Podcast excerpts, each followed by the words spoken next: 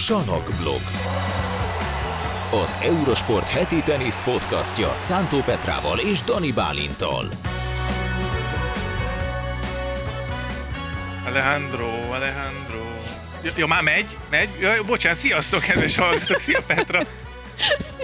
Bocsánat, nem tudtam, hogy már elindítottad. Sziasztok! Aki nem tudja, mi ez, az hallgassa vissza az előző adást. Jó, csúnyán bebuktam ilyen popkulturális műveltséget. Azóta csak Lady Gaga-t hallgatok. Abszolút mindent letöltöttem, és, és, és órákat gondolkoztam azon, hogy miért Janik Sziner jutott eszembe egy Lady Gaga számról. Ezt valószínűleg ő sem tudja, én sem tudom, senki nem tudja, de, de azért jó volt ez a podcast, nekem tetszett. Jó volt, jó volt. Gábor is sok, sok jót mondott szerintem, meg, meg hasznosakat, úgyhogy... Így van, így van, szerintem nagyon jó volt. Szuper volt. Reméljük, mi ilyen szuper lesz a mostani adás is, úgy beszélni fogunk majd Bázerről, illetve Bécsről, ott rendeztek két ATP 500-as tornát, illetve egy kicsit számolgatunk a világbajnokság kapcsán, hiszen már zajlik az adás felvétele időpontjában a Párizsi ezres torna, ahol már elkezdték a játékot a, a versenyzők, illetve hát Petra utalt rá itt az előző adás végén, hogy azért maradtak még olyan témák, amiről nem beszéltünk, hiszen már zajlott akkor a Halep ügy, viszont mi vártunk egy picit, hogy hát, ha kiderül még egy-két dolog, hát olyan sokkal okosabbak nem lettünk, de most már beszélni kell róla nyilvánvalóan egy teniszes podcastben, hiszen Simona Halep dopingbotrányba keveredett, és játszani is fogunk. Egy picit fogunk játszani a végén, ha marad időnk, és nem kell elrohannod közvetíteni, akkor, akkor szerintem egy kicsit játszhatunk. De kezdjük azzal egyébként, amit az egyik nézőnk írt kommentben, ja, hallgatónk, bocsánat, hallgatónk írt kommentben, hogy meg is volt egy érdekes témafelvetés, ami aztán nekünk is megfogta a fantáziánkat.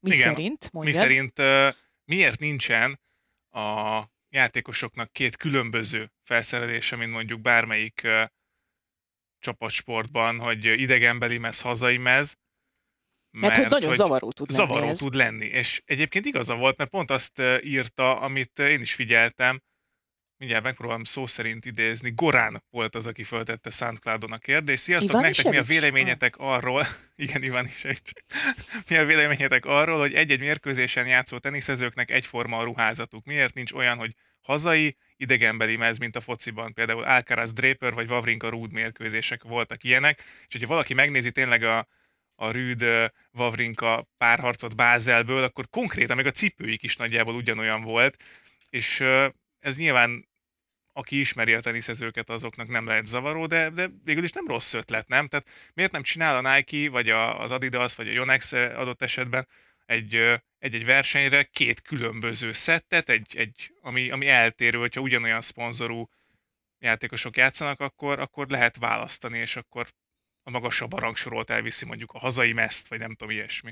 Ugye elméletileg minden teniszmérkőzésen, én ezt sokáig nem tudtam, de minden teniszmérkőzésen van egy úgynevezett hazai játékos, ez a sorsolásnál derült ki, ő választhat egyébként a pénzérmének az egyik oldalát, Aha. vagy a másik oldalát, hogy ez pontosan hogy dől el, azt én őszintén szóval nem tudom, vagy a tábla alapján. Néha azon gondolkoztam, hogy ABC sorrendben, majd, majd lehet, hogy ezt is Köves Gábor mondja meg nekünk, aki az ilyen kis apróságokat mindig uh, tudni szokta, de egyébként ez tényleg nem lenne egy butaság, hiszen ha belegondolunk azért a teniszben, elég kevés messzponzor vagy ruhaszponzor van. Van mondjuk négy-öt nagyobb, Igen. azok közül kettőt használnak legtöbben, legalábbis az éjjátékosok közül, vagy azon játékosok közül, akik képernyőre kerülnek, mert hogy mondjuk centerpályán játszanak, vagy tényleg bekerülnek a közvetítésbe, és, és hát ők rendszeresen ugyanazt a, a meszt kapják, és hónapokon keresztül ugyanabban játszanak, még akkor is, hogyha azért szezonon belül is vannak színváltások, ugye vannak olyan tornák, ahol különböző szabályok érvényesek, de, de sokszor látunk egyébként ilyet, és néha tényleg megtévesztő tud Abszolút. lenni. De, de összességében azért Látunk erre ellenpéldákat is, hiszen vannak azok a nagyon nagy játékosok, akik viszont kapnak egyrészt külön, külön, külön, külön dizájnó uh, meszt, általában ők részt is vesznek ennek a hát megtervezésében, vagy legalábbis a színkiválasztásban mindenképpen, vagy, vagy magának a formának a meghatározásában, és láttunk olyat is, hogy, hogy voltak főleg női játékosok, akiknek egy-egy Grand Slam tornán volt nappali és esti dresszük is. Ugye Maria Sharapovára gondolhatunk, Serena Williamsre, főleg a US Open-en, ahol a Night Session az külön tényleg egy ilyen, egy ilyen show műsornak számít, hogy ott ilyen fekete csillogó, gyakorlatilag abszolút teátrális ruhákat Most vagy gondolkozok, mezeket. hogy kit tudok elképzelni még Serena Williams nagy estéjében a női teniszezők között. Az, az csak szerénál. Az szerén, igen. Csak tehát, hogy, de nem véletlenül ő egyébként ebben részt is vett, és saját maga Abszett, tervezett igen, a Nike-val. Szerintem Maria Sarapovának volt egy-két tök jó ruhája, tök elegáns ruhája, ami mondjuk elmentem volna júliusban bulizni este. Tehát tényleg, tényleg nagyon-nagyon jól néztek ki.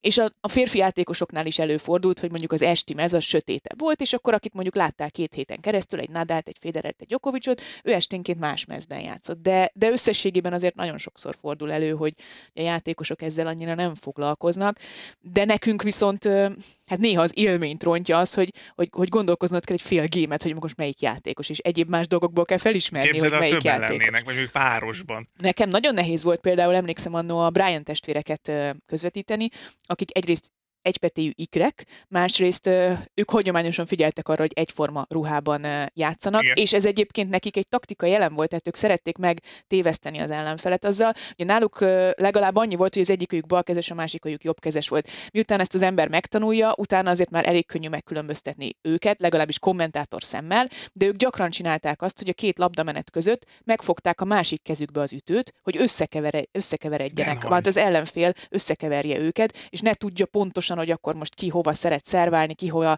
szeret helyezkedni párosban. Tehát, hogy ezek tényleg érdekes dolgok, de tényleg ez, ez jó ötlet szerintem, hogy, hogy lenne egy idegenbeli, meg egy hazai mez, és nem lenne ez olyan nagyon nagy vasszizdasz abból a szempontból, hogy mondjuk két különböző szín, de ugyanaz Ennyi. a dizájn. Vagy ugye a minta, a minta ugye más színű, hogy nem tudom, az uh-huh, egyiknél uh-huh zöld a kis pöttyözés, vagy a minta a másiknál meg fekete. Vagy pontosan, nem tudom, pontosan meg lehetne tényleg különböző. Úgyhogy köszönjük a kérdést, szerintem ez abszolút valid. Valid, így van, így van. És ugye volt még két héttel ezelőtt is Dávidnak egy, egy kérdés, hogy szerintünk melyik a legszebb, illetőleg meg legrondább teniszpálya, és ezen gondolkoztam, akkor ott ugye hirtelen mondtunk egy-két ötletet, de azóta én gondolkoztam, nem tudom, te gondolkoztál-e rajta, hogy nekem melyik én a leg... Én nézegettem, így nagyjából az ATP naptár pályáit, sokszor van ez a, ez a zöld oldalsó rész, kékes pálya. Ugye nyilván kemény pályákat tudunk nagyjából mondani, mert most ez a salak. Hát ez narancsárgább egy picit, vagy nem tudom. Ez, ez, ez az árnyalat, ez nem tetszik színkód alapján. Igen. De hogy hát a Metzi pálya, az is ez a rózsaszín kékes, az a rózsaszín kék valahogy nekem nem működik. Hát VT a tornákon azt mondom, hogy lehet, hogy igen, de lehet, hogy, hogy nem. Igen, az a rózsaszín kék az egy picit talán túl harsány, és elveszi nem a figyelmet. is kollégánk mondott, mondott a hihóni neki nem tetszik. A hihóni nem tetszett? Az, az nem, nem, nem jött be neki.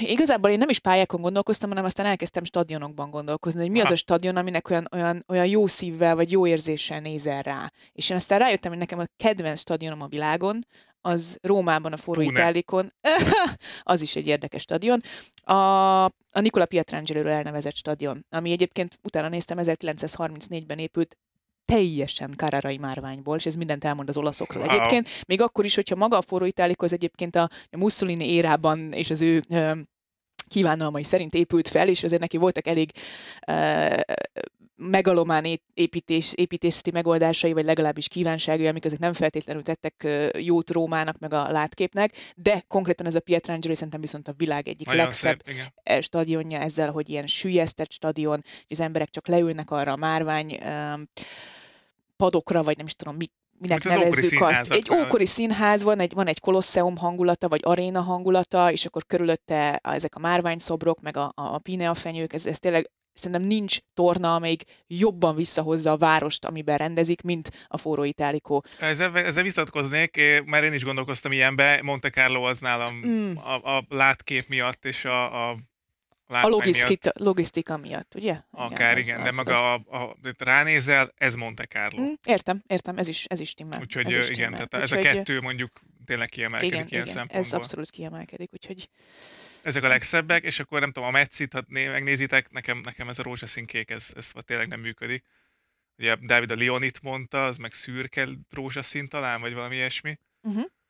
Értem, értem, ami nem tetszik nektek ebben, ez, ez teljesen teljesen. A többi, hát igen, vannak van. ezek a, valami nagyon szép, ugye a Léverkupás pálya, szerintem az a fekete, az nagyon elegáns. Az O2 arénában? Most, ami most volt? Akár, igen, igen, uh-huh, igen. Uh-huh. Az igen. is nagyon szép. Hát ez az ízlés Úgyhogy, kérdése. Igen, kérdezzetek. Szerintem, szerintem az írjatok. is fontos egyébként, hogy az ember melyik tornákat szereti, vagy melyik tornáktól ver gyorsabban a szíve, és akkor azt, azt valahogy, ha meglátja azt a stadiont, nekem ilyen az összes mondjuk Garoszon lévő stadion, szerintem az új Simon Matthew az egyébként nagyon szép lett, főleg, hogyha látod, hogy egy botanikus kertnek a közepén helyezték el, és kicsit hasonlít azokra az épületekre, amik ott a, ezek az üvegházak, amik körülötte vannak, tehát ez szerintem nagyon-nagyon szép. De mindenhol, ahol jó idő van, vagy süt a nap, az nekem nagyon tetszik, de tényleg egyébként a Monte Carlo az, az olyan szempontból egyébként egy nagyon szép torna, hogy már tudod, hogy jön a tavasz, már sokkal többet süt a nap, már ott a salak szezon, ami szintén egy ilyen izgalmas dolog, hogy elindul, és igen, most pont ránéztem itt a monitorra, a, Ugye a Párizsi Börszi az egy nagyon érdekes, szintén ilyen sűjesztett stadion. Nem egy szép épület, de nagyon érdekes épület. Igen. És exotikus. Uh, exotikus, igen, igen. Úgyhogy uh, azt is nézzétek meg, Novák Gyokovics egyébként megpróbált felfutni a, egy fűvel borított ilyen teteje van ennek, majd ha nézitek a közvetítést, akkor néha kívülre mutatják a, magát a stadiont, és Gyokovics az edzőjével megpróbált oda fölfutni, de aztán kiderült, hogy lejönni nehezebb, mint fölfutni. Na, úgyhogy szerintem ennyit a pályákról. Okés. Úgyhogy tényleg kérdezzetek, írjatok, aztán, hogyha ha olyan, akkor, akkor megpróbálunk válaszolni rá. Reméljük, hogy, hogy kielégítő válaszokat tudtunk adni. És akkor beszéljünk egy picit aktuálisabb témákról, a két ATP 500-as tornáról, Bázerről, illetve Bécsről. Hát ha már kvízezni szoktunk, akkor Petrának fölteszem itt ezt az álnaív kérdést, hogy melyik játékos nyert Bázelben tornát? Roger Federer tízszer? Nem erre voltál kíváncsi. Nem, de egyébként össze lehet hozni nyilván Roger Federerrel, ugyanis megint olyan játékos nyert, aki augusztus 8-án született. Így, de szép, ugyanis nagyon szép. Ugyanazon a napon született. 19 év különbség. Így van, így van. Félix Ozsieleszim 2.0. Ha már Salakblog Podcast 2.0. Nagyon szép. Ez, ez már egy másik Félix. Abszolút. És Abszolút. miért más Félix? Süt róla a magabiztosság, amit én eddig nem láttam. Én mindig azt gondoltam, hogy ez egy nagyon tehetséges srác, de hogy már, már, már túl szerény ahhoz, hogy ilyen, ilyen mindenáron nyerni akaró teniszező legyen belőle, és majdnem, hogy udvariasságból kap ki emberektől. Tehát tényleg volt egy ilyen érzésem, persze ez nyilván kicsi, nem így kicsi volt. van benne, vagy nem volt így benne. volt, de, de olyan túl jó nevelt volt ehhez a sporthoz, meg ahhoz, hogy, hogy egy, egy egyéni sportágban egy áttörjen mindenkin, és mindenáron nyerni akarjál.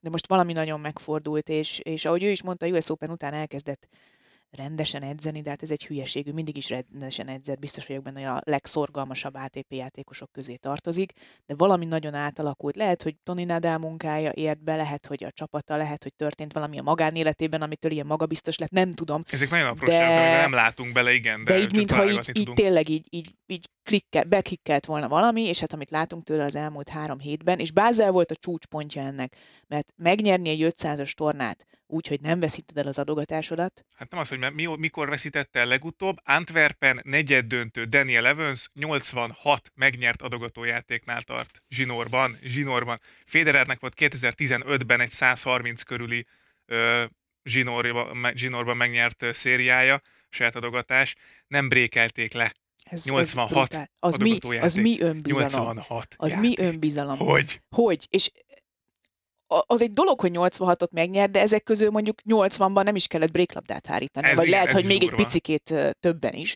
Mondjuk a, a Holger Rüne elleni döntőben, a második játszmában azért volt egy-két nehezebb adogatójáték, de a bréklabdáknál ász. Ászértékű adogatás, 200 feletti szerva, első szerva, kész. Nagyon komoly, nagyon, nagyon nagyot fordult Esélye a világ nem vele. volt senkinek. Esélye nem volt senkinek. És ez, ez nagyon-nagyon, ezt jó látni egyébként. Mindig jó látni az ilyen mesterhármasokat, ilyesmiket, de hogy egy Ozsi Eliassim úgy kell ennek az új generációnak, mint egy falat kenyér, az is, az is biztos. És egy magabiztos Ozsi Eliassim pedig végképp, és hát ki tudja, mi lesz egy a világbajnokságon. Igen, hogyha megnyerné egyébként Párizst, most mi nem tudjuk még ugye, hogy mi lesz annak a tornának a vége, ha megnyerné Párizst, akkor egy olyan rekordot hozna be, vagy állítana, állítana be, be uh-huh. ami hát nem megdönti, mert vagy nem is állítja be igazából pontatlan így, mert Lendl volt 81-ben, aki 5, 5 hét alatt 5 tornát nyert, Félixnek ugye négy lehet négy héten belül. Ez nagyon durva. De már ez a három is olyan, hogy, hogy Rüdnek volt tavaly egy ilyen menetelés a 250-es tornákon, azelőtt pedig 2011-ben Mörinek. Tehát ez egy nagyon ritka dolog, hogy valaki ennyire jól tud játszani három héten keresztül folyamatosan, és azért ugye volt ebben 500-as torna is. Így van, 500-as torna, és nem kis, nem kis mezőny. Ezen hát például volt Bázelben Kecmanovics ellen játszott, talán 6-1-6-0-át, és ott azt mondta, hogy életében ez volt a legjobb mérkőzése, úgyhogy vissza a junior gyerek 6 éves, 8 éves korában is a meccseket, hogyha megnézi. Az egész életében az volt a legjobb meccse, és azért így neki menni a világbajnokságnak, ahogy te is mondtad, mert hogy valószínűleg ott lesz, hogyha nyeri az első fordulós meccsét, és akkor már ott van, azt hiszem. Uh-huh. Vagy azt lehet, hogy kettőt kell nyernie, de csak akkor eshet ki már a VB részvételről, hogyha Fritz nyeri a tornát, és Rubiovot veri az elődöntőben. Igen, Fritz. Azért erre kevés esély. Igen, erre azért kevés esély. Úgyhogy Félix nem nyeri meg az első két meccsét. Uh-huh. Úgyhogy ilyen önbizalom szinttel, és nem látni rajta azt, hogy fáradna, vagy, vagy visszavenne, hanem, hanem még, még pakolja fölfele a, a, a téglákat erre a, erre a házra. Ez, és egy nagyon-nagyon komoly alapja van ennek a háznak, azért ezt tegyük hozzá. Lehet, hogy neki nem volt az elmúlt négy-öt évben olyan nagyon kiemelkedő eredménye, sokáig nem nyert tornát, volt már Grand Slam elődöntője, de döntőig még eddig azért nem volt esélye eljutni, stb. stb. Azért tudtuk, hogy egy jó játékos, de nem, nem tört át olyan gyorsan, mint mondjuk Carlos Alcaraz, de, de nagyon komoly alapokra helyezte ezeket a téglákat szerintem. És ez a komoly alap, ebben benne van az, hogy fizikailag rendkívül felkészült. És most már nem, nem azt mondom, hogy idén felkészült, vagy két éve, hanem ő is 18-19 éves kora óta egy olyan fizikumot épített fel, ami azért nem könnyű nyilván, én nem tudom pontosan ez hogy működik, tinédzser fiúknál, de, de nyilván a, a 10 éves éveid végén, vagy a tinédzser éveid végén azért még mindig nőhetsz, még mindig átalakulhatsz, nem könnyű felépíteni egy olyan fizikumot, amivel 20-21-2 éves korodra eljutsz az ATP élvonalába, és bírod ezt a terhelést, amit most egyébként bíró Eszim, és te is ezt mondtad, hogy nem fárad el, nem látod rajta, hogy kiégett volna, nem látod rajta azt, hogy, hogy túl hajtotta volna magát, és egy picit már picit már nehezebb lenne fizikailag. Én tegnap ezt Holger Rűnél láttam egyébként, aki megverte ugyan döntőszett tiebreakben Stan Wawrinkát, és ebben benne van az, hogy 19 éves, és ő is remekül fel van készülve fizikailag, de ott ő már egy picit biceget, már egy picit lehetett rajta látni, hogy neki is sok volt ez az elmúlt három hét. Ozsi Simon ezt, ezt valahogy nem látta. Nem, lubickol a gyerek konkrétan mm-hmm. a, a, a mhm. sikerben, a, abban, hogy jól megy a játék, és ebben nagyon lehet. Tehát ha valakit elkap, ez a, angolban szokták ezt a flow érzést, mm-hmm. ezt nehéz lefordítani, de ezt magyarra, de, de ha ez a flow elkap, ez az érzés, hogy, hogy hát gyakorlatilag legyőzhetetlen vagy, akkor, akkor e, ezt végig lehet vinni egy, egy hát meddig? Igazából meddig ez a kérdés? Én, én nem gondolom, hogy Párizst meg fogja nyerni, vagy nem biztos, hogy indokolt lenne, hogy Párizst megnyerje, mert igen, úgy már nagyon jól, necces jól jár, ezért elmenni. Ez furcsa kimondani, de igen. Igen, igen, igen. Uh, lehet, hogy picit okosabb, bár ez ezt nem tudom, hogy lehet kezelni, vagy kontrollálni, hogy akkor jó kikapok a negyed döntőben. Mert ugyanakkor meg viszont most jó lenne látni azt, hogy Józsi Aliasszim hol tart mondjuk a nagy nevek ellen, egy Medvegyev, egy Djokovic, egy Nadal ellen akár, még akkor is, hogyha Nadalnak azért nem a fedett pálya a kedvenc borítása, vagy a legsikeresebb borítása, de azért jó lenne látni azt, hogy ezt a, ezt a szintű teniszt tudja tartani a legnagyobbak ellen, de ezt előbb-utóbb látni fogjuk, ha más nem Torinóban. Igen, igen, ez biztos. Beszéljünk Bécsről? Beszéljünk Bécsről, az is egy jó torna volt egyébként. Medvegyev, mm. apukaként. Mm-hmm. Ez kicsit furcsa amúgy, nem? Mm-hmm. 25 éves?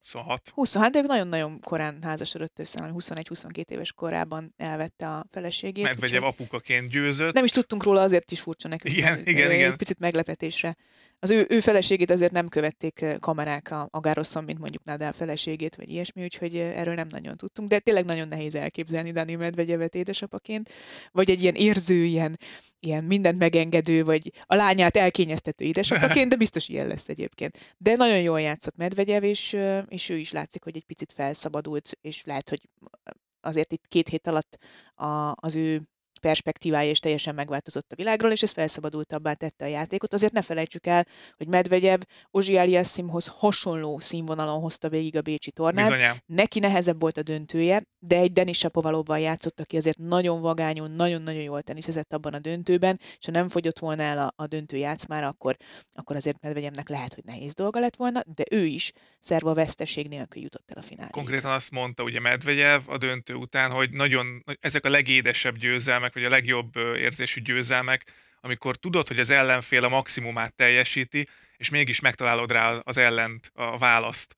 És mondta, hogy a döntőszet 4-3-ig, vagy második szet 4-3-ig olyan maximum 100%-ot játszott. Egyszerűen nem volt, érinthetetlen volt Sapovalov. Így van, ez így van. És uh, utána, ha, ha vissza is vett, vagy romlott a játéka, azt mondta Medvegyev, két százalékot, ha romlott, és ezt ki tudta használni, és ez, ez is nagyon nagy zseniét mutatja Medvegyevnek, akiről így, hogy Félix Ozsi Eliassim tündököl, ott van Alcaraz, Djokovic is már tér vissza. Medvegyevről egy picit nem felejtettünk el beszélni a VB-vel kapcsolatban? De elfelejtettünk. Amíg meg nem nyerte Bécsi tornát. É, abszolút elfelejtettünk Medvegyevről beszélni, egy picit el is tűnt, ugye Grand Slam tornát nem nyert, vagy amit megnyerhetett volna, az januárban volt már nagyon-nagyon régen.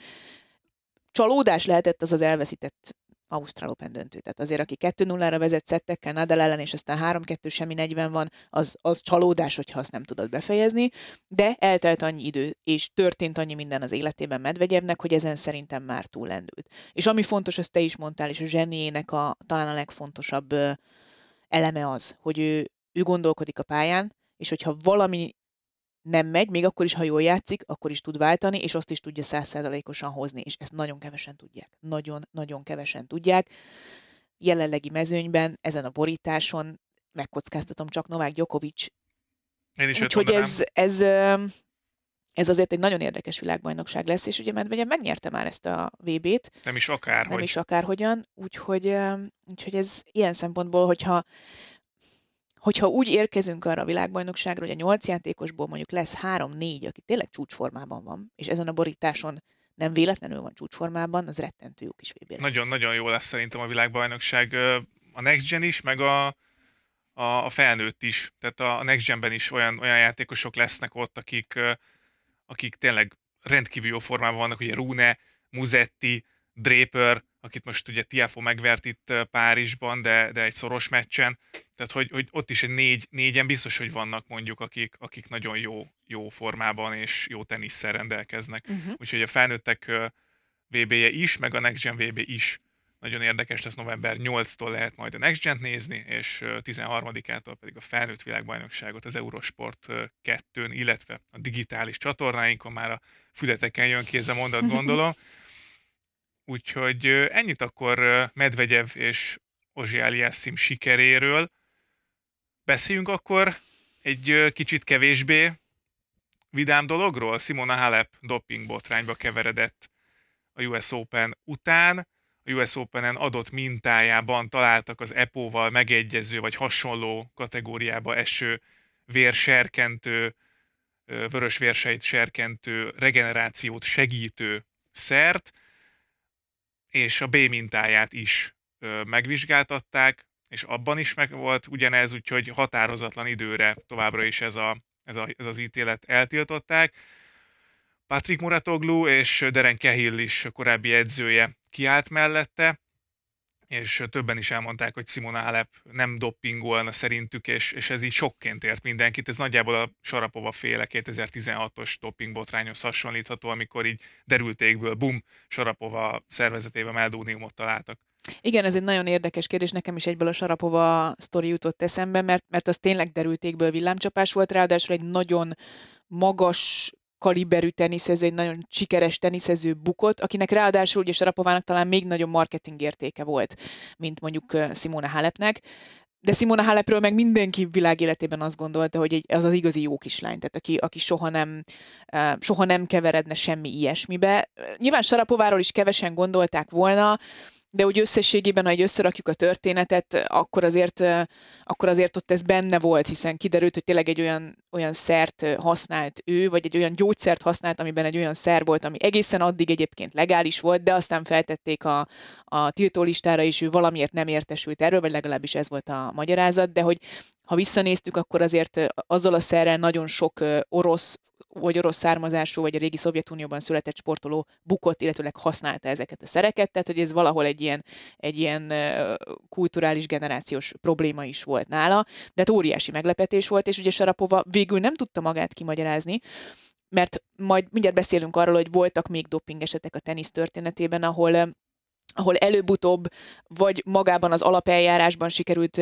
kimagyarázni, vagy nem találtak kellő mennyiségű bizonyítékot, vagy valaki a sportdöntőbírósághoz fordult, és ott sikerült visszafordítani az ügyet. Voltak ilyen esetek, Sarapovának ez végül nem sikerült, elég nem. komoly időre eltiltották, és ez tulajdonképpen mondjuk ki a, a karrierjének a végét is jelentette, mert ugyan visszatért, de az már nem, az nem, volt, volt ugyanaz. ugyanaz. Nem, nem volt, volt ugyanaz. ugyanaz. És hát voltak ilyen, ilyen dolgok, és Simona Halepnél is, is az első gondolatom az volt, hogy, hogy vissza lehet-e innen jönni. Ő is 30 fölött van már, neki is voltak eleve nehézségei, ő is gondolkodott már a visszavonuláson, és bár ő is azt mondta, mint amit mindenki más is, hogy élete legnagyobb sokja volt, hogy ezt a Roxadusztát nevű szert, ami tényleg az EPO-val egyenértékű szerként kezel a vada, ezt, ezt megtalálták az ő, ő szervezetében, és aztán kérte a B próbát, és a B próbában is megtalálták ezt, hogy egyelőre nem tudjuk, hogy ez, ez mi, és ez hogyan, és milyen magyarázatot ad rá, mert Azóta mert... csend van egyébként. Csend van. Ez, ezt nem kapta fel annyira most, vagy még nincs felkapva, mert nincs plusz információ, semmi nem Azon ki kívül, azóta. hogy igen, hogy az edzői, a jelenlegi, jelenlegi, hát most az időzőjelben jelenlegi korábbi edzője, és jó néhány játékos társa is kiállt, sőt, nem csak, hogy kiállt, hanem ilyen nagyon keményen elmondták, hogy elképzelhetetlennek tartják. Igen, azért sokat, sokat elmond, bár, hogy bár ő ilyet csinált. A Sarapovával szemben nem állt ki senki, azért mm. ezt tegyük hozzá. Ott mindenki azt mondta, hogy hát nagyon sajnálom, ez van, így van, úgy van. Ő is próbált egy magyarázatot találni,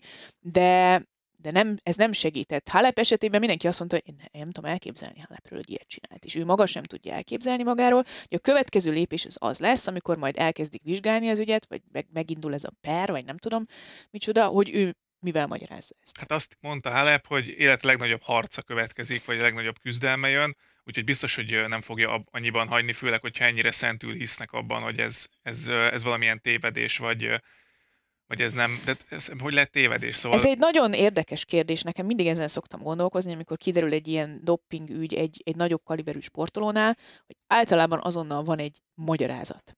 Gondolj Contadorra, hogy marhahúsban volt, a ja, ja, volt. Igen, igen. Gondolj Sarapovára, aki egyből azt mondta, hogy ez egy legális szer volt, én véletlenül nem olvastam el az e-mailt, és ezért szedtem tovább, és megbuktam januárban.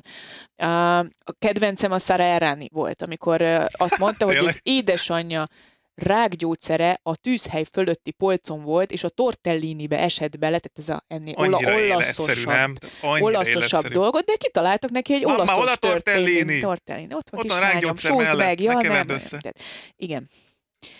Ez... Nem, nem valami hihető sztori. Nem valami hihető, de mindenki jött valami sztorival. Simona Halep egyelőre nem jött semmiféle sztorival. Vagy azért, mert most dolgoznak az ügyvédi csapatával azon, hogy, van hogy akkor mit találjunk ki, az mennyire legyen hihető, most magyarázkodjunk, vagy csak technikai hibára hivatkozzunk, mindenki más, máshogy kezelte ezt az egész történetet. Csarapova igazából nem, nem mondta azt, hogy én ilyet nem szedtem, ő azt mondta, hogy rosszul tudtam a szabályokat. Uh, Sara Errani kitalált egy teljesen olaszos történetet. Nagyon sok mindent hallottunk. Richard Gaskinak a, a kokainos történetem. Ugye hivatalosan nem doppingszernek számít, inkább, inkább az, az drog, azt mondjuk ki, az drog, azt nem teljesítménynövelésre ö, használják szerintem a, a teniszezők, hanem a fura, egyéb nem, nem, más mondjuk... élethelyzetekben úgy alakult, hogy... Van hogy... egy-két játékos, akinél nem, nem, nem, nem tudom kizárni, hogy, hogy olyanokat csinál a pályán. Igen. Nem mondok neveket, mert ne, nehogy meghallgassák. De hát ugye Gaszki is kitalálta, hogy szórakozóan ilyen smárolt egy csajjal, és hát így, így hát, sajnos, sajnos így lett kokain. E, nagyon sok történetet hallottunk, Halepről nem hallottunk. Se nem magyarázkodást, se nem történetet, se nem azt, hogy hogy kerülhetett a szervezetébe ez a szer, milyen véletlen úton, de még az sem, hogy hát igen, veszettem, de valami történt, de, de, de, de semmi ilyesmit nem hallottunk. Ami elsőre nekem arra utal, hogy ő tényleg nem tudja, hogy hogy került a szervezetébe ez a szer. Igen, ez, de nyilván ugye azt... De valamit mondani tudja, kell majd. Igen, valamit mindenképpen mondani kell, azt mindenkinek tudnia kell, vagy szerintem ez fontos kihangsúlyozni, hogy ezek, ezek az emberek, ezek nem olyanok, mint mi. Tehát er, erre a teljesítményre, amire, amit ők letesznek évről évre az asztalra, ezt nem lehet magán, vagy hétköznapi emberként végezni. Mindenki szed valamit, tehát mindenki szed valamilyen gyógyszert, nyilván ezért vannak a tiltólistás szerek, hogy meghúzzanak egy vonalat, de mindenki szed valamiféle vitaminokat, tablettákat, tehát meccs közben is géleket, étrendkiegészítőket, tehát simán lehet, hogy, hogy Halep tényleg nem tudta azt, hogy, hogy ez bekerült a szervezetébe, vagy ilyesmi, de, de ugye ez, ez nem mindig a játékos felelőssége, mert olyan csapat dolgozik már az ilyen szintű játékosok mellett, hogy, hogy lehet, hogy, hogy valaki tévesztett a csapatában, és, és úgy állította össze a, a, a dolgot. Ugye ez a regenerációt segíti, ami azért idősödő játékosok korában még inkább fontos, vagy fokozottabb figyelmet kap, és hogyha ha látták, hogy nem úgy sikerült esetleg a regenerációja, akkor megpróbálták valahogy felturbózni, nyilván ez a dopping, hogy másokkal szemben előnyhöz juttassák a, a játékosukat. De nyilván amíg nem bizonyosodik be, bár már bebizonyosodott igazából, csak ha még lesz egy kör, akkor azért ne húzzuk rá a lepedőt Halepre, hogy akkor ő most dopping volt. Most, most jelenleg úgy néz ki, amit most tudunk, úgy néz ki, hogy Halep doppingolt, de hogy ő erről tudott-e, vagy nem, na ez a jó kérdés. Ez a jó kérdés, és milyen magyarázattal tudnak előállni, az a magyarázat hihető-e, elhiszik -e, miatt esetleg mérséklítik a büntetését, mert az sem mindegy, hogy mennyi büntetést kap. Tehát itt most egy évről, 18 hónapról beszélünk, akkor kész vége. Szerintem onnan nem nagyon lehet visszajönni igazán. Hát, az biztos, hogy jól. fizikailag lehet, hogy, hogy nem, de hogy, hogy hozzáállása, hogyha ha ő tényleg ártatlannak gondolja és vallja magát, akkor, akkor benne olyan szintű bizonyítási vágy lesz, hogyha visszaengedik, vagy visszatérhet, ami, ami lehet, hogy, hogy dob rajta egy picit, vagy a teljesítményen tud, tud turbózni. Igen, sok ilyen történet volt egyébként. agassi a története például szintén a metamfetaminról, az, ami egy hát rekreációs hát azt nem nevezném rekreációs drognak, de tehát, hogy nem teljesítmény növelés szempontjából Igen. használta, hanem inkább stresszoldás, stb. nem tudom ki miért szed metamfetamint, soha életemben nem nyúltam ilyenhez, de, de hogy ez nem volt egyszerű, és a könyvében írt erről, és utólagos vizsgálat indult ellene, mert akkor nem derült ki egyébként semmilyen dopingvizsgálaton, Igen, hogy, hogy, hogy ez történt. Erről Nasta beszélte a korábbi román világ első, Igen, hogy, tehát... hogy ő tud olyan esetekről konkrétan, akik, akik dopingoltak, és nem buktak le, és hogy Halep csak azért szenved most ettől, mert hogy ő, ő kelet-európai ez is egy érdekes kérdés. Ugye McEnroe saját maga mondta szintén, hogy szteroidot szedett, utólag nem történt semmi. Vilandernél, aki most az egyik legismertebb elemzőnk, és tényleg egy, egy, egy nagyon-nagyon jó szakértőnek számít az Eurosportnál, ő is kokainnal bukott tanú, nem tudjuk, hogy tényleg ez volt-e, vagy valami véletlen folytán került, ez is a szervezetébe. Ugye olyan nagy kaliberű teniszező, mint Martina Hingis is kokainnal bukott már jócskán a pályafutása csúcsa után, és aztán ő vissza is vonult. És Csilicsnek is Csilicsnek is. Például ez, ez, erről beszéltünk a podcast előtt, hogy már Csilics esetéről nagyon keveset keveset tudunk, és ez elsősorban azért van, mert ő tudta talán a legjobban bizonyítani azt, hogy, hogy ez egy tévedésből a szervezetébe került szer volt nála, ugye ráadásul 2013-ban volt ez, tehát még mielőtt Grand Slam bajnok lett volna, és nála egy ilyen niketamidét talált, nevű szer találtak, Uh, ő is azt mondta, hogy ez glükóz tablettákban volt, amit ő szedett egyébként, kilenc, a kilenc hónapos eltiltását uh, később uh, lecsökkentették négy hónapra, és ő elment a sportdöntőbíróságra is, ahol aztán végül neki adtak igazat, és ő nyert egy évvel később Grand Slam tornát. Tehát ez, uh-huh. egy, mhm. ez egy úgymond pozitív történet az ő szempontjából. Happy egy happy end, és nem is nagyon beszélünk arról. Csilicsról azt mondjuk, hogy Grand Slam bajnok, nem azt mondjuk, hogy korábbi dopingos, vagy hogy mondják ezt.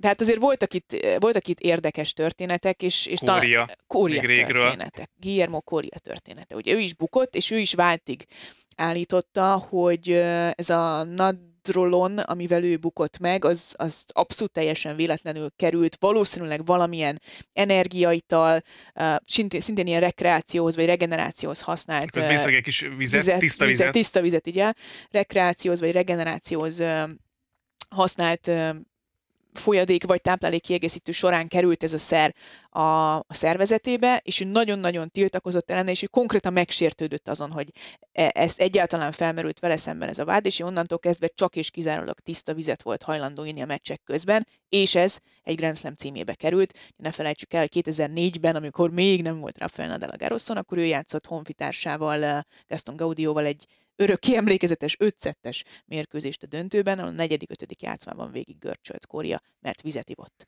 És, és nem tudott be. olyan szerekhez nyúlni, amik segítettek, vagy nem mert, vagy nem akart olyan szerekhez nem nyúlni, mert, amik... Nem mert, igen. és ez egy Grand Slam döntőbe került, és, és simán mondhatta volna azt, hogy oké, okay, most tényleg görcsölök, egy szetre vagyok egy Grand Slam bajnoki címtől, akkor valami olyan energiaitalt kell meginnom, amiben vannak ásványanyagok, amik legalább a görcsöt segítik. Nem, nem volt hajlandó. És ez is mutatja azt, hogy ez, az élsport, az tényleg erről is szól most már, meg már akkor is szólt erről, hogy ott nem elég kimenni és akkor jól teniszezni, hanem, hanem egyszerűen mindennek súrolnia kell a felső határt, és, és nagyon vékony az a határ, amit át lehet lépni, és, és nagyon könnyű átlépni, vagy nagyon, nem tudom máshogy, nagyon könnyű átlépni a, azt a határt, hogy, hogy már nem szabályos valami, és már túlmész, vagy pár milligrammal, ha több van a szervezetedben, akkor az már dopingnak minősül, és, és vagy megbuksz vele, vagy nem.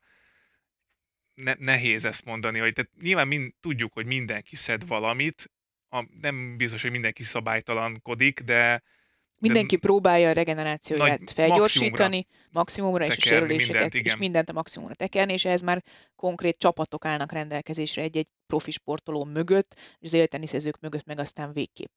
És ezért is lehet egy picit talán árnyaltabb, vagy érdekesebb Simona Halep esete, mert ő ugye idén váltott csapatot, ő teljes egészében lecserélte a régi csapatát. Derenke Hillel egyébként nagyon jó barátságban Igen. váltak el, de ő aztán az egész csapatát lecserélte a Muratoglu féle csapatra. Muratoglu lett az edzője, és Muratoglu emberei kerültek Simona Halep csapatába, fiziós, Gyógyszerész? étrend tanácsadó, gyógyszerész, itt azért sok minden van, és nagyon sokan egyből így a figyelmüket erre a, a részletre tették rá. El, hogy a, ahogy nem tudom, talán Tóni mondta, hogy a Muratoglu istállóba tartozik, Cicipász is, Rúne is, tehát ott sok teniszező van még, akik, most ez a kettőt mondtam, de ott vannak még azért, akik ugye fiatalként is edződnek, tehát lehet, hogy, hogy ott majd azért nagyobb reflektorfényt kap még jobb a Muratoglunak a, a csapata, vagy maga ez a, ez a brand, amit ott felépített. Igen, szóval ez nagyon érdekes kérdés, és nagyon kíváncsi vagyok, hogy hogy mi lesz majd a magyarázat, mert valamiféle magyarázatot kell adni. Még akkor is, hogyha Simona Halep is elismerte, hogy nagyon minimális mértékben találták meg ezt a roxadusztátot a szervezetében, viszont e, ez, ez egy epóval egyért, egy ilyen Igen, ez egy tiltott szer. Ez egy tiltott szer. Ez, itt nem arról van szó, hogy, hogy... hogy és most nem, nem degradálni akarom a kokai használatnak a, a fontosságát, de de igen, kokaint általában nem teljesítménynövelés miatt, inkább fáradtság elkerül. Nem tudom, mi miatt szednek. De ti ne csak simán, ne, ne, ne, ne, tehát hogy nem, nem az, de hogy Roxadus, tehát igen, az EPO gyakorlatilag, tehát azért ezt mondjuk ki. Ezt olyan nagy állóképességet igénylő sportágakban használják, mint mondjuk az országúti kerékpár, és buktak vele nagyon nagy nevek is. Kíváncsi vagyok, hogy Simona Halep milyen magyarázatot tud erre adni, hogy tud-e harcolni az igazságért, ha az az igazság, hogy ő tényleg soha életében nem nyújt semmiféle tiltott szerhez. Sőt, ugye Deren Cahill szerint ő ilyen paranoiásan figyelt arra, hogy semmiféle idegen dolgot ne, ne szedjen be, csak és kizárólag ismert és duplán, triplán ellenőrzött dolgokat szedjen be, hogy nehogy ebből bármiféle probléma is legyen. Meglátjuk, ez egy nagyon nehéz történet, és nagyon nehéz kérdés. Mert, Mi sem mert, tudunk mert, okosabbat mondani, mert nincs nagyon, nincs nagyon információ, ami rendelkezésünkre nincs, nincs. És a Simon Halep azért alapvetően egy nagyon népszerű, mindenki által kedvelt játékos társak, edzők és rajongók által is kedvelt teniszező volt, egy szeret, egy teniszező, egy szerethető uh, egyéniség, és éppen ezért nagyon furcsa, hogy pont ő bukott ráadásul egy ilyen szerrel. Úgyhogy ennyit tudunk most jelenleg Simona Halep ügyéről, hogyha valami, valami változás vagy, vagy fejlemény az ügyben, akkor nyilván elővesszük ismét mi is itt a Salakdog Podcastben. De most menjünk tovább, mert van még témánk, méghozzá a Párizsi ezres verseny, amit, amit meg tudunk beszélni, hogy ugye két hely maradt kiadó, azzal, hogy Félix Ozsi ennyire jól teljesített az elmúlt hetekben, igazából tényleg kettő hely maradt kiadó a, a torinoi világbajnokságra. Ki lesz ott? Hát vannak már... Hurkács lehet ott, vagy... Ja, hogy még akik nem, akik nem jutottak Hurkács ki. és Fritz pályáznak a legjobb. Ugye Ozsi Eliassim, Rubio, Fritz és Esélye. Hurkács azok, akik még hivatalosan nem kvalifikálták magukat, közülük a kanadai és az orosz van kiutó helyen jelen pillanatban, és hogy te is mondtad, hogy a Fritz és Hurkács próbál meg még beférkőzni, vagy nekik lehet még esélyük. Ugye a többiek általában ebből kiléptek, ugye Berettini mondta, hogy nem megy el Párizsba, ő a Davis kupára koncentrál, vannak, akik matematikailag nem tudnak már előzni, ők, ők négyen harcolnak még két helyért, és ahogy te is mondtad, a Fritznek meg kell nyernie a párizsi versenyt úgy, hogy Rubjovot az elődöntőben igen, igen. veri meg, miközben Ozsi Aliassim kikap hamar itt Párizsban, Ezt úgy lehet pont, esély. Pont meg ezek... tudjuk most nézni, mert most játszik, amikor vesszük fel a podcastet az első körben. Uh, Imer ellen 5-5-re állnak. Megnézem, hogy bukott-e már szervát. Vagy volt-e? Bréklabda volt? Hát nyilván hárította. Elképesztő. Hihetetlen. Um, Szóval ez egy, ez egy érdekes történet lesz. Kicsit sajnálnám egyébként, hogyha Ozsi Eliassim nem lenne ott, mert ő nyújtotta a fedett pályás szezonban talán az egyik legjobb teljesítményt, és nem csak az őszi, hanem, hanem ugye a tavaszira is gondolok, a tavaszi fedett pályás Igen, tehát akkor mondjuk nem, nem, akkor úgy teszem fel a kérdést, hogy ki, kit látnál ott legszívesebben mondjuk Ozsi Eliassimot tegyük akkor résztvevőnek, Rubio, Fritz vagy Hurkecs érdemli meg jobban szerinted az idei teljesítménye alapján? Szerintem Taylor Fritz. Ő az, aki szerintem sokat javult, kiegyensúlyozottabb lesz, és lett, és ha nem is egy Ozsi Aliassimi szintet lépett, de nagy szintet lépett szerintem Fritz, ráadásul ugye őt még nem kímélték a sérülések sem, tehát ő, ő rajta érzem azt a, azt a beérést, azt, a, azt az áttörést, azt a megérkezést, amire régóta vártunk, nála is nyert, régóta vártunk, és ugye nyert ezres tornát. Rubjov teljesítménye szerintem sokkal kiegyensúlyozatlanabb. Erről sokat beszéltünk, hogy ennek milyen okai lehetnek. Rubjov vagy Hurkecs közül? Hát aki jobban teljesít Párizsban, az érdemli meg. Tehát, hogy ez mm. legyen akkor egy versenyfutás, egy igazságos versenyfutás, és aki, aki jobban megérdemli. A... Szerintem Hurkecs egyébként jobban meg tudná nehezíteni a, a többiek dolgát, mint Rubio. Ez is egy szempont. Ez is egy szempont, hogy a nagyok ellen ki az, aki mondjuk esetleg jól tudna játszani, jó csoportmeccseket tudna játszani, és ebből a szempontból azt gondolom, hogy talán Hubert Hurkecs Szerintem az. Hurkecs fejben jobb, mint, mint Rubio, és, és ez, ez egy világbajnokságon szerintem azért sokat dobhat a teljesítményén az, hogy talán a szervája is jobb, azért az kijelenthető, és ha a Rubjovnak nem megy, és elkedvetlenedik, vagy, vagy a motivációja az picit megcsappan, akkor, akkor ő, ő hajlamosabb jobban szétesni, így mint, van, mint Egy, teljesen egyetértek, úgyhogy és ha az erősséget nézzük, akkor, akkor így kéne, hogy akkor egy Ozsiáni Eszim, Fritz és Hurkács. De aztán ki tudja, hát lehet, hogy Rubjov most itt ránk cáfol Párizsban, simán lehet, és, és akkor, ha, ha itt most tud, mi szurkolunk neki is, tehát hogy, hogy reméljük, ja, hogy ha, ha Rubjov ott lesz, és be tudja verekedni magát, akkor reméljük, hogy ez egy olyan löketet ad neki, ami, ami tényleg boostolja, turbozza az ő teljesítményét Pontosan. Torinóban. Pontosan. Úgyhogy erről sokat nem lehet beszélni, mert hogy már ott vannak sokan. Tehát ott van ugye Alcaraz, Nadal, Cicipász, Rüd, Medvegyev, Djokovic, és akkor nálunk Félix Ozsiáliasszim és Fritz. Fritz. Fritz? Uh-huh. Szerintem Fritz.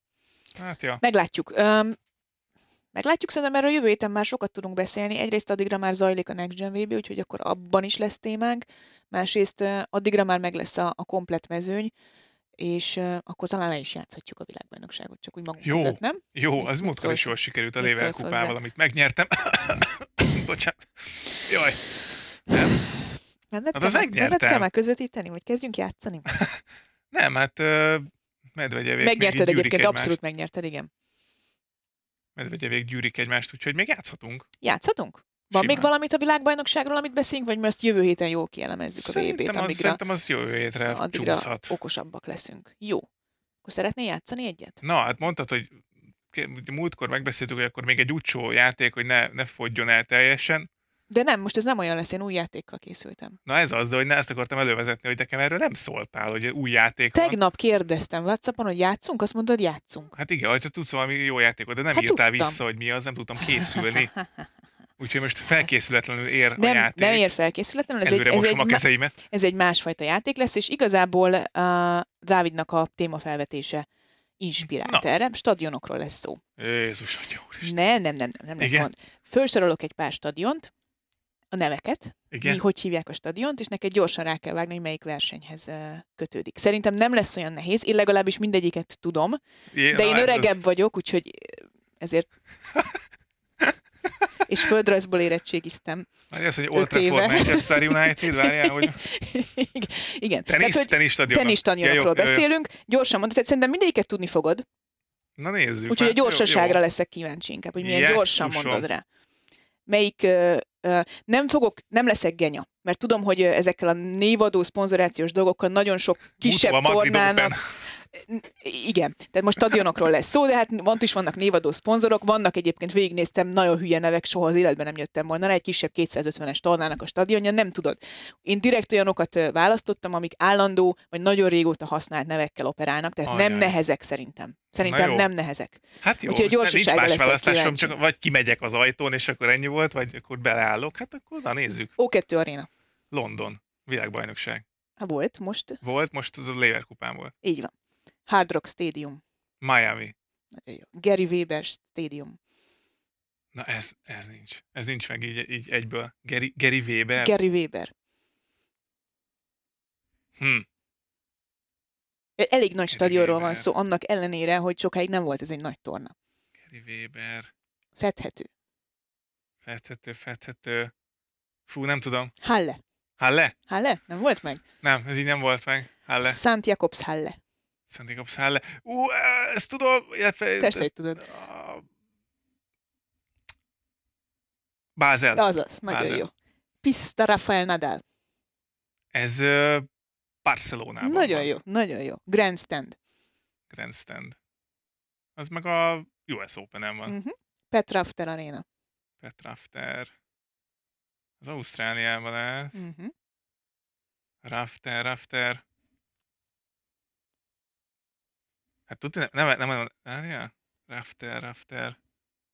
Az Ausztrál Open nincs. Mhm, jó. Ott nincs. Mi van még Ausztrál? Sydney? Nem. Vagy de? Nem. Nem Sydneyben. Adelaide? Nem. Milyen verseny van még Van Ausztráliában? még egy. A ATP-t nézünk. Hát nem csak ATP-t, VTA torna is van. ATP VTA torna. ATP kupát is rendeztek ott egyébként az elmúlt években, mert ugye azokat több különböző városban rendezték a csoportkört. Hát Melbourneben volt még, nem, ez nem, nem, nem, nem. Ausztráliában hol rendeztek még? Ó, Perth! Nem. Hát mit a sivatag. Még van egy. Sydney, Melbourne, milyen, milyen város van még ott? Ö, jó, hát ezt... ezt, ezt Brisbane. Oké. Brisbane! Ah, Okay. Kahamahika. Madrid, Nagyon jó. a kis varázsdoboz. Így van, jégszerdoboz. varázsdob. Egyébként Manolo Santánáról nevezték el magát a teniszpályát, csak maga az építmény Kahamahika, mert ugye ezt nem csak teniszre használják, hanem egyéb Volt más. kosár is, azt hiszem, van, meg minden volt ott. Pala Alpitour. Alpitúr. Egészségedre. Vagy ez már a neve? Fú, ez, ez, ez nincs meg így kapásból. Igen, mert viszonylag Pala új, de Alpe. fontos. Ez uh, Pala Alpitúr. És próbálom ki, logisztikázni ki lehet logisztikázni egy ez picit. valami spanyol ajkú, De nem, de nem. de nem. Pala, Pala-. A pala az ugye magát a, a, a nyelvet is egy A kicsit... francia? Nem? Nem, Pala, Igen, tudom. igen.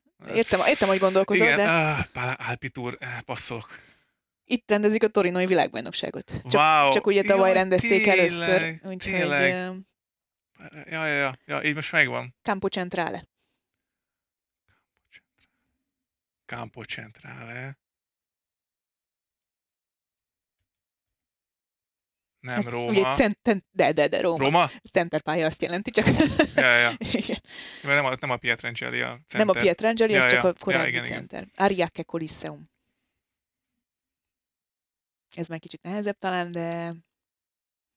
De ez, Ez is egy, Tokió? igen, Tokió. Ez csak azért mondom, ez egy nagyon híres, híres régi, talán még a, a, a korábbi Tokiói Az is olimpián is szép, szerepel. szép, pálya igen, egyébként. igen, igen, Jó igen. nagy.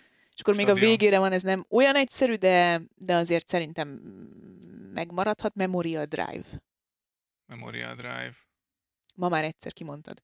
Csak akkor rosszul tippeltél. Adelaide? Nagyon jó. Nagyon Na, jó. látod, hát jó simán átmentem. Simán átmentél, csak a Gary Weber nem tudtad. Halle. Jó, azt most Halle. már Most már magamra megtanult. tetováltatom. az lesz onnantól A, kezdve a egy pod, egész hátas pod- Hallei stadion akarok. A... az lesz a podcastnek a borítóképe onnantól Jó. kezdve, jó? Jó. Jó. Na, ügyes voltál. Látod, nem volt olyan nehéz. Hát most ha tudom ezt, akkor én is készültem volna Semmi valamire. gond, jó, ez így, majd jövő hétre készülsz. Jó. Valami kis jövök. Jó, Jövő héten Next Gen világbajnokság lesz, meg arról is beszélünk, és már Csinálunk a felnőtt. VB-ről is. Uh-huh. Ez tök jó lesz, nem? Ha valami kérdésetek, akkor nyugodtan bármikor bármit. Bármiről el tudunk hosszan beszélgetni. így van. Írjatok, kérdezzetek, aztán hallgassátok továbbra is a podcastet. Köszönjük, hogy minket választottatok. Sziasztok! Sziasztok!